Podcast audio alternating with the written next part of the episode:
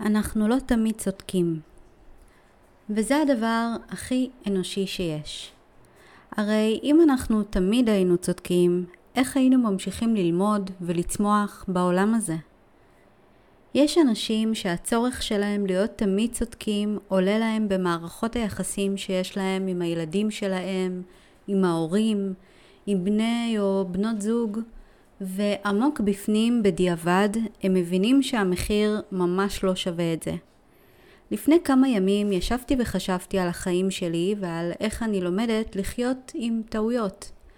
הטעויות שעשיתי והטעויות שאני ממשיכה לפעמים לעשות. ניסיתי ללמוד מהן ולשנות לטובה, אבל זה לא תמיד קל. אני חושבת שלפעמים זו הסיבה שחלקנו מתקשים לסלוח לעצמנו כשעשינו טעות. אנחנו מאשימים את עצמנו כי אנחנו חושבים שהיינו צריכים לדעת מה נכון, במיוחד מי שמקדישים את מרבית החיים שלהם לעבודה של צמיחה והתפתחות.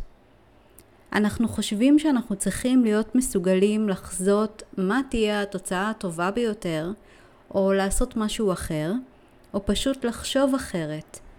אבל במציאות, אנחנו בני אדם. אנחנו לא מושלמים. אז נכון, זה לא כיף לגלות שטעינו, במיוחד אם הטעות הזאת עולה לנו או למישהו אחר הרבה כסף, או גורמת לאיזשהו נזק בלתי הפיך, או לא משהו שהוא עלות כספית, אלא פיזית או נפשית, לנו ולאחרים. אבל כמו שאומרים, לטעות זה אנושי, לסלוח זה אלוהי. וחשוב שנלמד לסלוח גם לאחרים שעשו טעות שפגעה בנו, וגם לעצמנו כשאנחנו טועים ומתקשים לשכוח את זה לעצמנו שעשינו טעות. כן חשוב לי לעשות פה איזושהי הסתייגות. יש אנשים שיעשו איתכם טעויות קריטיות, שוב ושוב, לאורך החיים שלכם. במקרה הזה, לטעות זה אנושי ולסלוח זה אלוהי, יהיה רלוונטי, אבל לא מהמקום הזה שאתם חייבים להכניס אותם עוד הפעם לחיים שלכם, אם זה לא עושה לכם טוב. במקרים כאלו, מה שאני עושה באופן אישי, זה מודה על השיעור שאותו אדם בא להעביר אותי בעולם הזה, וסולחת לו ברמה נשמתית. אבל לא מחזירה אותו חזרה לתוך החיים שלי.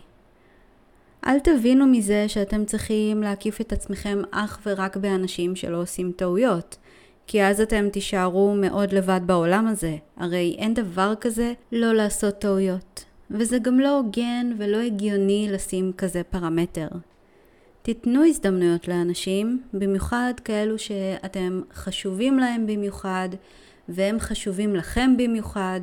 בדרך כלל סוג של האנשים האלו יעשו את הטעויות שלהם, אבל הם יעשו את זה בתום לב. וסביר מאוד שאם גם אתם בני אדם, גם אתם עשיתם טעויות איתם, וכנראה שעוד תעשו בעתיד.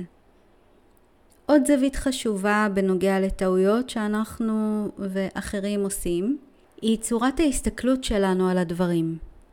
זה מאתגר, אבל זה בהחלט אפשרי במרחק של כמה ימים מהטעות, כשהרגש כבר פחות מעורב, לנסות להסתכל על הצד הטוב של הטעות.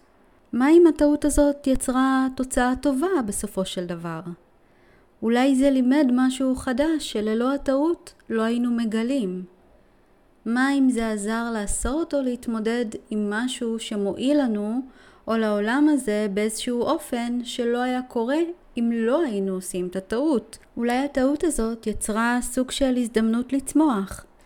אולי הטעות גילתה לנו משהו על מישהו שכדאי שאנחנו נדע את זה. אולי היא גילתה לנו משהו על עצמנו. אם עשיתם טעות, נסו להסתכל על זה בחיוב. אולי תגלו שיש שם יותר ממה שחשבתם.